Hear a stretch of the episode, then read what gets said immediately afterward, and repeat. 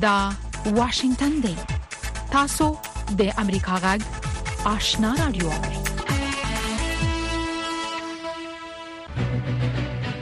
قدرمن اوریدونکو السلام علیکم زه شافیا سردار یم دا د امریکا جغ آشنا رادیو خبرونه پیل شوه لومړی به خبرونه واوري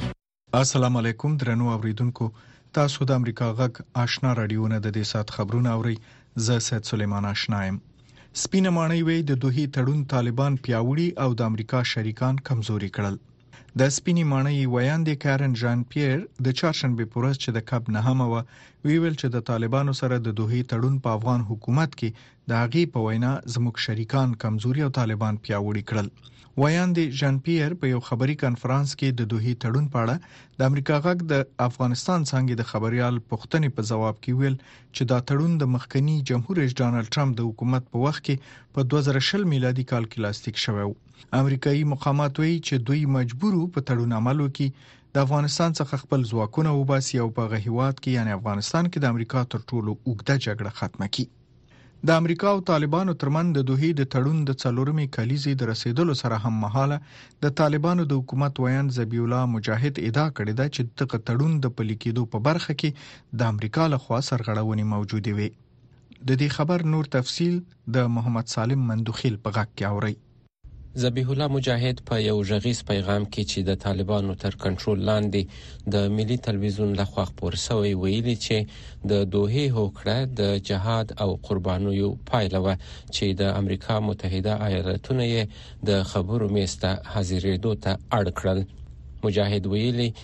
د امریکایانو له خوا د دغه هوکړې څخه ځینې سرغړونې موجودې وي چې د دوه د تړون د متن په پای برخه کې د هغوی د عملي کېدو ژمنه کړې و چې باید د افغانستان سره تعامل په عادي ډول وسی خو داسې ونسول مجاهد همدارنګه ویلي چې لا هم د طالبانو د زینو مشرانو نمونه په تور لیست کې دي او بندیزونه ورماندې لګیدلې دي د افغانستان د خلکو شتمني لا هم کنګل ده د طالبانو د حکومت د رسمیت پیژندلو مخه نیول شوې او د طالبانو د حکومت سره د امریکا د متحده ایالاتو تعامل لا تر اوسه بیرته عادي شوی نه دی د افغانستان د خبريالانو مرکز د طالبانو د حکومت لخوا پر رسنیو کې پر افغان خبريالانو په ځانګړي ډول خزینه خبريالانو باندې د نورو احتمالي محدودیتونو د لګولو په اړه اندېښنه خوده او د دغو اقداماتو د پایلو په اړه یې خبرداری ورکړی دی. دغه مرکز د چهارشنبې په ورځ ناوخته چې د کب نهمه وه په یوه اعلامیه کې دا اندېښنې په کابل کې د طالبانو د حکومت د امر بالمعروف او نهی عن المنکر وزارت سرپرست محمد خالد انفي سره د رسنیو د ځینو مسؤلینو او استادو په کتنه کې په رسنیو کې د خزینه خبريالانو راڅرګندېدو په اړه د دغه وزارت لخوا د سپارښتنو وروسته څرګندې کړې دي. د افغانستان د خبريالانو د مرکز د اعلامیې لمخې د طالبانو د حکومت دی لوړپوړي چارواکي د رسنیو استادو ته ویلي چې که د دغه وزارت لارښوونې مراد نکي نو د دې احتمال شته چې پر رسنیو کې د خزو پر کار بشپړ بندیز ولګول شي تاسو د امریکا غږ آشنا رادیوونه د افغانستان سیمه او نړۍ خبرونه اورئ په پاکستان کې د دې میاشتې د عمومي ټاکنو درې اونۍ وروسته په پاکستان کې د نوي پارلمان غړو د پنځشنبې په ورځ چې د کب لسمه ده لوړه وکړه د فبرورۍ د اتمې ټاکنې چې پکې د پراخو درغلیو تورونه لګول شوي په داسې حال کې تر سره شوي چې په خوانی صدر اعظم عمران خان زنداني شوی او د کاندیداتورۍ منع شوی په ټاکنو کې د عمران خان پلوي کاندیدانو د بل هر ګوند په پرتله ډېرې څوکۍ وګټلې، خو د پوځ ملاتړ لرونکی مسلم لیګ نواز ګوند د یو ایتلافي حکومت د جوړولو له لارې په حکومت کې د تحریک انصاف د نه شریکولو تابع کړې ده. څېړونکي وایي، د پاکستان په 240 میلیون نفوس لرونکي هېواد کې به راتلونکي ایتلافي حکومت د پراخو اقتصادي او امنیتي بحرانونو سره مخامخي. د اسوشیټډ پریس اژانس د خبر د مخې د فبرورۍ په 29مه په غزه ښار کې بشري مرستو ته د منتظرو فلسطینیانو پر ګڼګونه برید شوی دی چې ګمان کیږي اسرایلی ځواکونو کړی د سیمایز روغتون د چارواکو په وینا په دې برید کې لسګونه کسان وژل شوی او ټپیان دي د شفا په نوم روغتون د نرسانو څانګې مشر ډاکټر جادالله شافعي الجزیره ټلویزیون ته ویلي چې په برید کې شاوخوا 50 تنه وژل شوي او 250 نور زخمیان دي اسرایلی پوځ ویلي چې د پیښې په اړه خبره شوی راپورونه چیړي بلخوا یو امریکایي چارواکي ویلي چې په داسې حال کې چې غزې ته د ځمکې لارې د مرستو رسول ستونزمن شوي نو د جمهور رئیس جو بایدن حکومت د پوځي الوتکو په وسیله د یادو مرستو پر رسولو غور کوي او د روسي جمهور رئیس ولادمیر پوتین د پنځشنبه پر ورځ خبرداري ورکړه چې که لویدیز په اوکرين کې شخړې ته لمن ووهي د اټومي جګړې واقعي خطر به رامنځته کړي ملت ته په خپلې کلنۍ وینا کې پوتین وویل چې سرتیری یې په اوکرين کې پرمختګ کوي هغه دا خبرداري هم ورکو چې که هر هیواد اوکراین ته د سرتیرو لیګلو جرأت وکړي د ناوړه پایلو سره به مخامخ شي د پوتین دا وینا په ښکاره د فرانسې د جمهور رئیس ایمانوئل ماکرون هغو څرګندونو ته غبرګون دی چې دا اونۍ یې اوکراین ته د لویدیځ د عسکرو د لیږلو احتمال رد نکو خو د اروپا نورو مشرانو په چټکۍ سره کیف ته د سرتیرو د لیږلو احتمال رد کړی دی او د دې سات خبرونه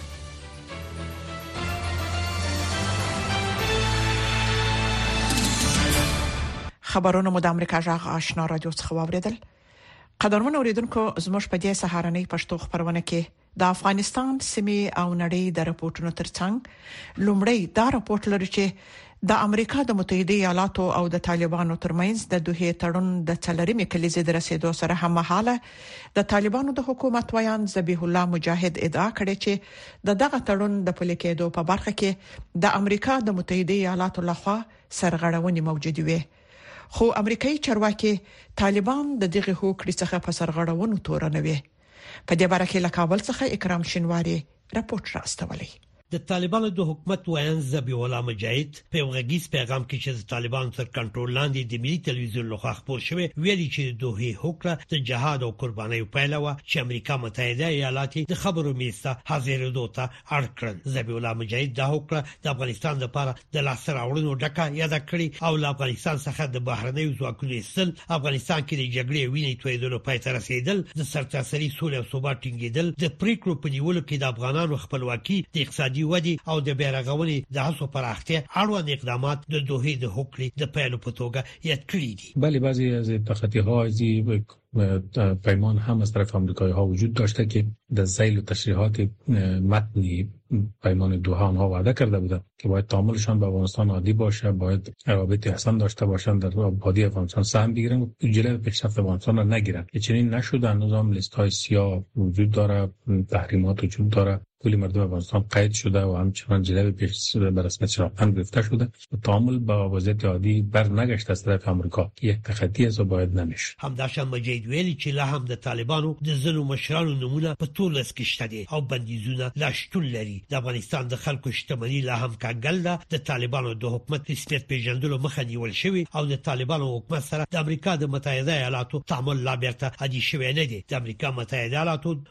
حکومت او د طالبانو ترمنځ د دوه تړون د 2020 کال د فبرवरी په 19مه د قطر په پایتخت دوه کې لاسلیک شو د هوکړې د تړون افغانستان د سولې لپاره د امریکا د متحده ایالاتو د پخوانی ځانګړي استاذي زلمی خلیزاد او د طالبانو د یو چارواکي او دغه حکومت د اوسنی ریاست الوزرا د اقتصادي مرستيال ملا عبدالغني برادر لخوا لاسلیک شوی وو امریکایي چارواکو ویلي چې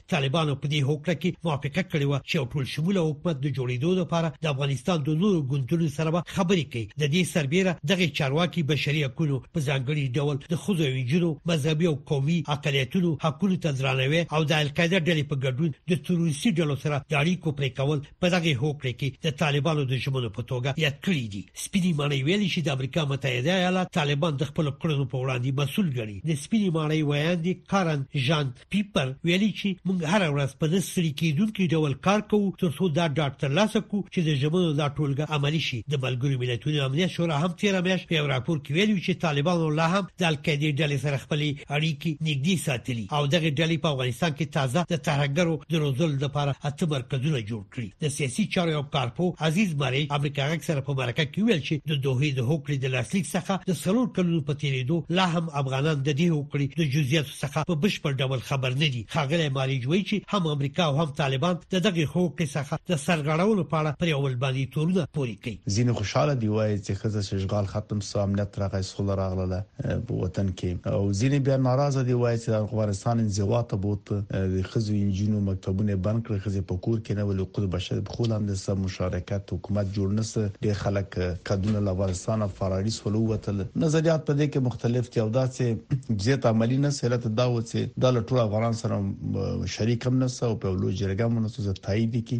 او بل اخره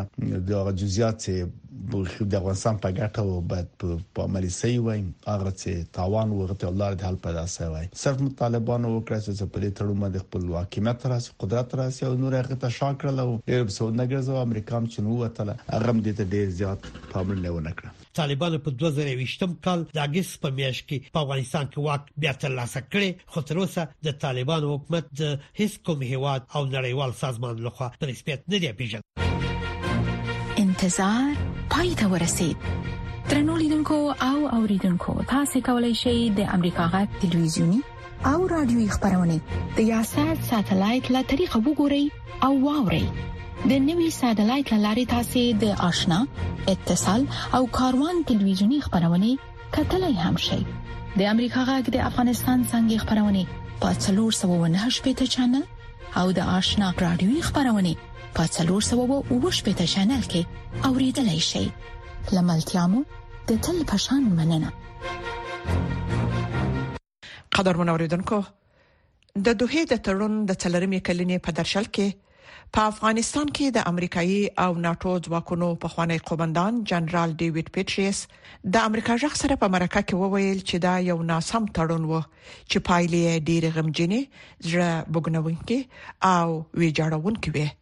ښاغلي پيتريس په کابل کې د القاعده ډلې د مشر ايمان الظواهري وژل کېدو ته په اشارې وويل چې طالبانو د دوحې د تړون خلاف القاعده ته ځای ورکړ او په افغانستان کې د ترهګرۍ ګواښ په لوړه کچه کې دی نور تفصيل په رپورت کې واوري د دوحې د تړون د لاسلیک څلور کاله پوره شول په ټوله کې دې تړون او پایلو ته په کومه سترګه ګورئ Well, I think the agreement was فکر کوم د دوه تړون ډیر غیر عاقلانه تړون او د تړون د پلي کولو پایلې غمجنې زړه بوګناونکې او ویجاړونکې وي د بیلابیلو اړخونو څخه که د افغانستان اوسنی وضعیت ته وکتل شي اقتصاد سقوط کړي د نیمایي څخه زیات خلک د سخت وضعیت سره مخامخ دي خوړو سرپنا او د سنورو شیانو ته اړتیا لري تر ټولو مهم افغانستان ته د القاعده ډلې د مشر ستنیدلو د القاعده ډلې مشر د جمهوریت ماڼۍ څخه څو کوڅې لري د کابل ښار په مرکز کې ومندل شو د دوه په تړون کې ژمنه شوې و چې القاعده ډلې ته به د افغانستان په خاور کې ځای نه ورکړي په حقیقت کې وسلته نور ډلې هم شته لکه د اسلامي دولت خراسان ډله چې تاسو پوهیږئ په افغانستان او پاکستان کې فعالیت لري او پټ ځای نه جوړ کړی دی د هیواد نیمایي وګړي د دې اجازه نه لري چې په لیسو او پانتونونو کې زده کړې وکړي خزه په بامفهومه توګه په اقتصاد کې ونډه نه لري د نارینه نه پرته به هر تللی نشي فکر کوم د دوه د تړون پایلې په هر برخه کې نه هلي کوونکې وي How the Doha agreement uh, change uh, or shape د دوه تړون په افغانستان کې د نړیوال ټولنې د ښکیلتیا بڼه څنګه بدل کړه Well, it led to the US withdrawal. د دوه تړون د امریکایي ځواکونو د وټلو لامل شو او کله چې د متحده ایالاتو او د پوز چارواکو ویل چې خپل ځواکونه وباسي د ائتلاف ځواکونه هم باید وټلې وي هغه نشو کولای چې پاتې شوي وي ځکه اساس متحده ایالاتو جوړ کړو او ول زره لویدیز قراردادیان چې د افغانستان د امنیتي ځواکونو لپاره کار کوي هم وټل د هغوی هلیکوپټر او ترانسپورتي الوتکې یې ترمیم کولې او 15 زره افغان کمانډو ځواکونو ته یې ترانسپورتي خدمات برابرول دا هغه پیاوړی ځواک و چې خو وړتیا یې درلوده خو سمبال شوی و خو روزل شوی و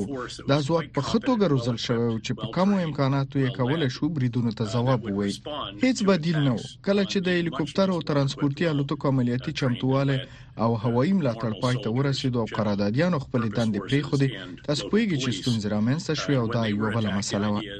د یاده مه وباسئ چې د پنځه زره او پنځه سوه طالب بندیانو خوشې کول د افغانستان په دولت یو بل فشار و. د بندیانو خوشې کول د دوحې تړون په اړه د خبرو په مېز پرته مسله نه وه. د افغانستان په حکومت فشار راوړل شو چې پنځه زره او پنځه سوه بندیان خوشې کړي چې د رپوټونو په اساس دا بندیان بېرته د جګړې ډګر ته ستانه شول او پرته له شکه چې دوی د افغان ځواکونو په ماتولو کې مهم رول درلود.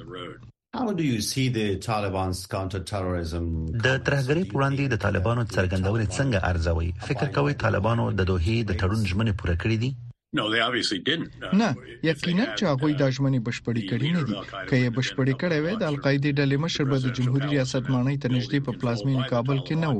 وایي چې د داعش په وړاندې مبارزه کوي سمه ده خو یقینا چې طالبان تل د القاعده ډلې سره نږدې اړیکې لري په دې اړه زیات شمیر څېړونکي هم همغږي دي د دوه د تړون د پلي کېدو په اړه څه نظر لرئ Well, they didn't uh, adhere to a really critical فکر کوم دا یو تر ټولو uh, ناوړه ډیپلوماټیک تړون دی چې تر اوسه لاسلیک شوی دی هغه څه چې دښمن غوښتل ورته ورکړل شو زموږ د سرتیرو د وتلو په بدل کې ډیر لږ څه ورکړل شوي دي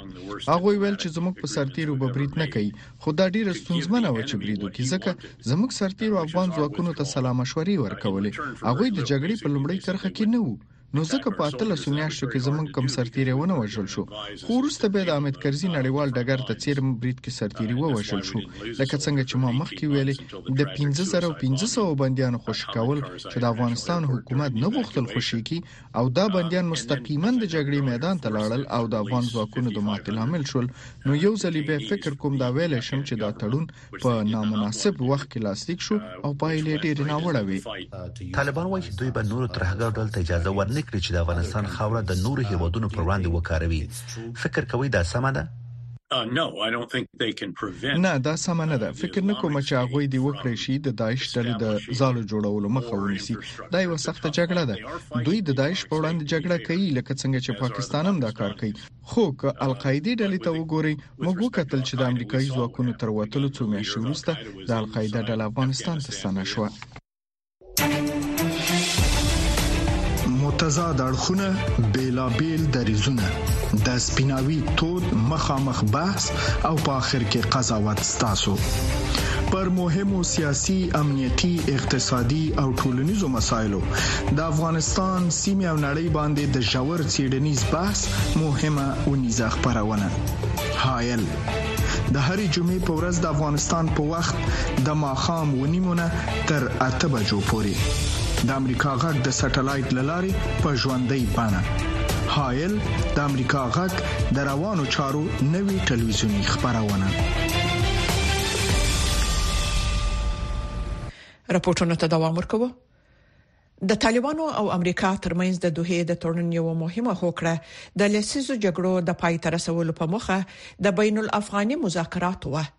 دا مذاکرات د اګست پر پنځلسمه د کابل تر سقوط وروسته په ټپه ودرېدل.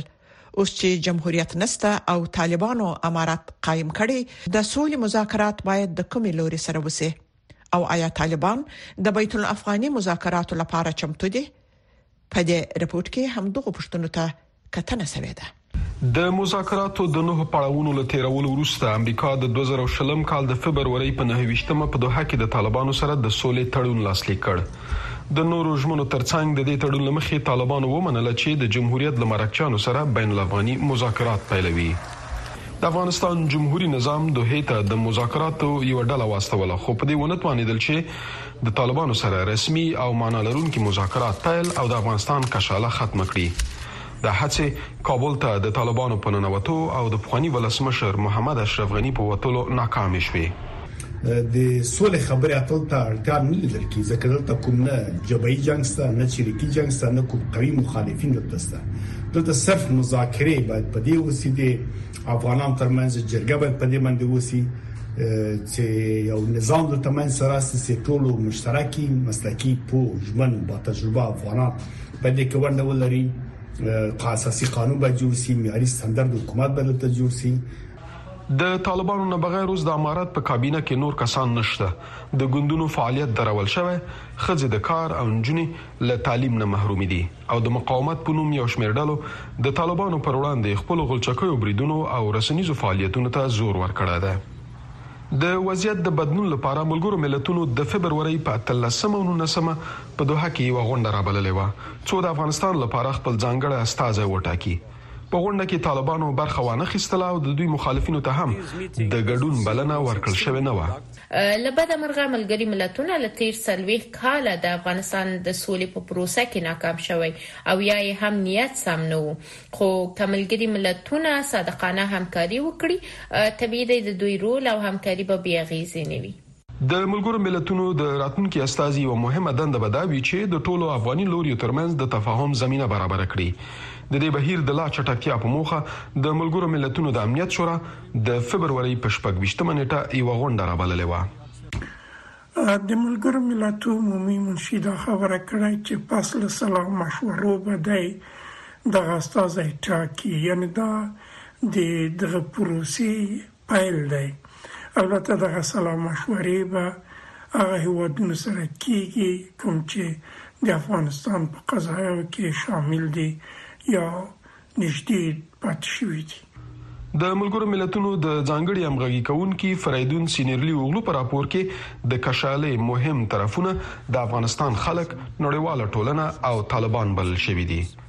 د طالبانو د حکومت ویاند ذبیح الله مجاهد د افغانستان د راډیو سره د یوې مرکې په ترڅ کې ویلي چې په سیمه ییزو او نړیوالو غونډو کې چې هر ډول پریکړه د دوی پر خلاف وي نه عملي کیږي. هر فیصله ای که در مورد افغانستان می شود یا صورت می گیرد اگر برخلاف منافع مردم افغانستان بود و یا امارت اسلامی افغانستان او را مخالف دانست از ارزش ها و همچنان منافع مردم ما طبیعی است او اثر عملی نداره و عملی نخواهد شد و اگر نشست به خاطر حمایت افغانستان و مردم افغانستان باشه به خصوص در راسته دیپلماتیک گام پیشرفت باشه امارت اسلامی از او قدردانی خواهد کرد یو شمېر په دې باور دي چې د دایمي سولې او ټول شموله حکومت د جوړېدو لپاره د ملګرو ملتونو په رهبرۍ تازه هڅې د دې فرصت برابروي چې افغانان سره راغونډ شي او د خپل هېواد د راتلونکي لپاره د لارې نقشه جوړه کړي. د کارپوهانو په وینا، دا هڅې به هله یوې پایلې ته ورسېږي چې د ښځو او سیاسي ډلو په موجودیت کې اړوند طرفونه مذاکراتو ته غاړه کېږدي.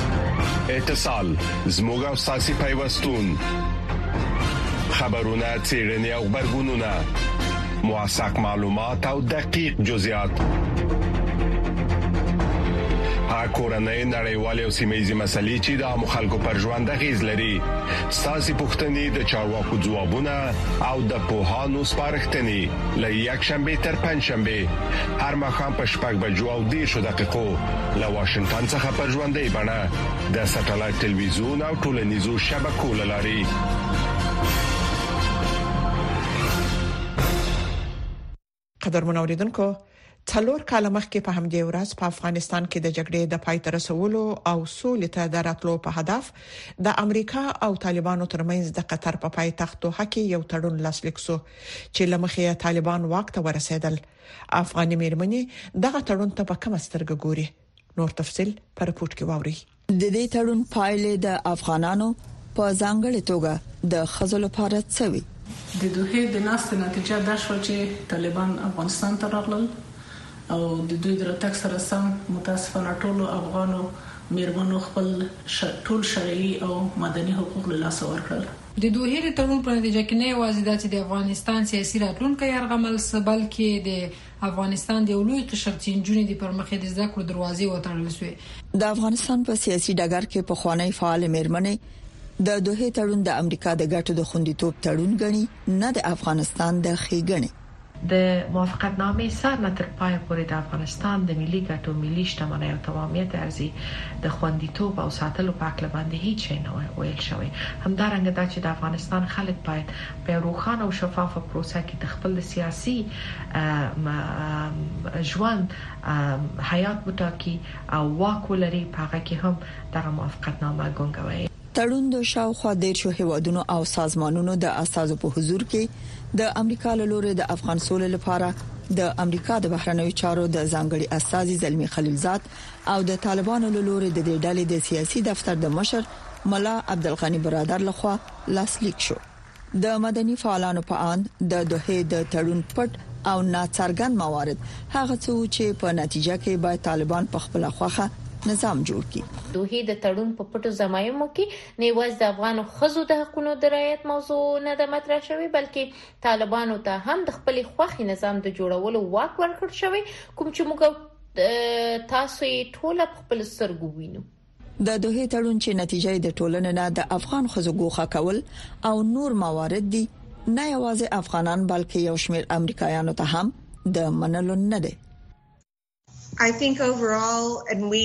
په ټوله کې موږ پوهیږو چې دا یو تر ټولو ناوړه تړون و چې متحده ایالاتو یې په اړه مذاکرات وکړل او لاسلیک کړ زه په دې باور یم چې دا تړون باید په رسمي توګه لغوه شي په بل معنا موږ باید سری کړو د دوه د تړون د څلور کال پوره کېدو سره سم د سپینې ماڼۍ ویاند ژان پیر په تازه بیان کې ویلي چې طالبانو د تړون لمخې په خپل ژمنو عمل نه دی کړی طالبانو همدغه راز ل خپل افغانانو سره د معنا لرونکو خبرو د پیلولو په اړه چې یو جوړ جاړي او ټول شموله سیاسي سیستم ته لار اواره کی هم خپل ژمنه پوره کړی نه دي طالبانو همدغه راز تر شپږم ټولګي پورته د نجونو په زده کړو کار فعالیت او نور مشارکت باندې بندیزونه لګولې دي امریکا او نړیواله ټولنه دا بندیزونه غندي او له طالبانو یې د لری کېدو غوښتنه کوي خو طالبانو لا تر اوسه د نړیوالو دغه غوښتنو ته ځواب نه دی ویلي نو شاباشنا امریکا غاک واشنگټن د بدلون پر مهال کله چې د نړۍ وضعیت څرګند نه وي او کله چې اوریدل ل عیني واقعیتونو سره سمون نه خوري موږ په حقیقت پسې ګرځو کله چې موږ ته د یو موضوع یوازې یو اړخ بیانېږي نو باور بایلو د ناورین پر مهال د یوې ښې راتلونکې لپاره زموږ خوبونه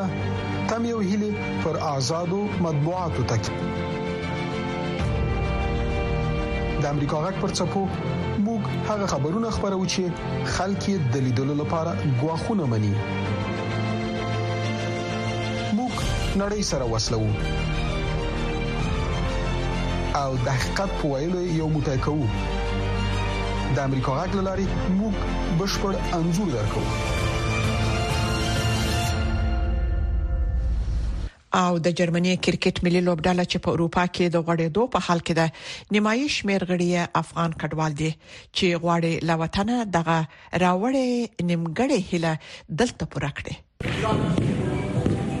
توپ اچوونکي او توپ وهونکي دواړه افغانان خو د افغانستان نه دی او نه هم د افغانستان د کرکټ لوبډله دا په اروپا کې د جرمني هیواد د کرکټ ملي لوبډله ده چې ټول لوبغاړي بهرنیان دي او شاوخوا نیمایي افغان کډوال دي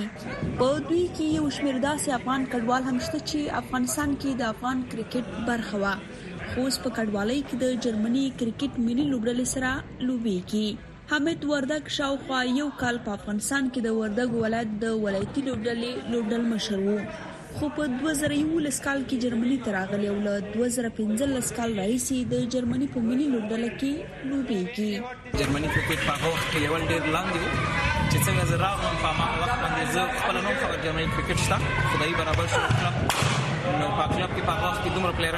کوم چې موږ سره څلور نجونې لوبې دي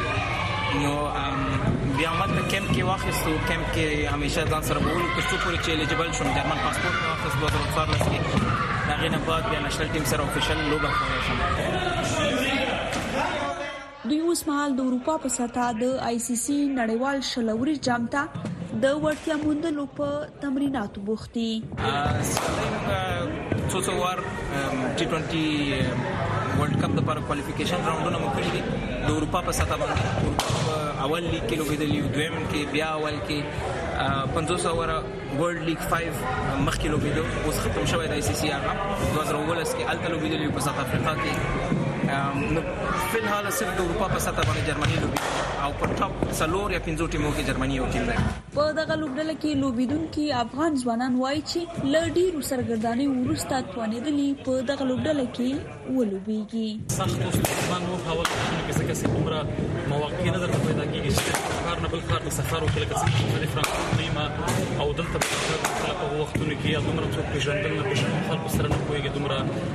دغه وختونو کې لږ زر مشکلات خو بیا هم د افغاني کمیونټي د وجه نه چې دلته د من افغانان زیات دي نو دغه وجه نه اسانتیا لږ زر واسي اوله نه ټول غاړي ول په ملي ډله کې نو هغه مرسته کوله او سره ور سره نور د سیمه ولان ملګری پیدا کړل نو اوله وختونو کې لږ زر مشکلات خو نو اخبار اسانه کیږي دغه لوبغاړي وايي چې لا هم په جرمني کې کرکټ ملي لوبډلې ته په کافي اندازه کار نه دی شوی او دوی له نورو بوختیاو سربېره لا هم د خپلې مینې په خاطر لوبېږي. درنو لیدونکو زموږ د خبرونه په همدې ځای پای ته ورسیده د امریکا جغ آشنا را دوه خبرونه دوام لري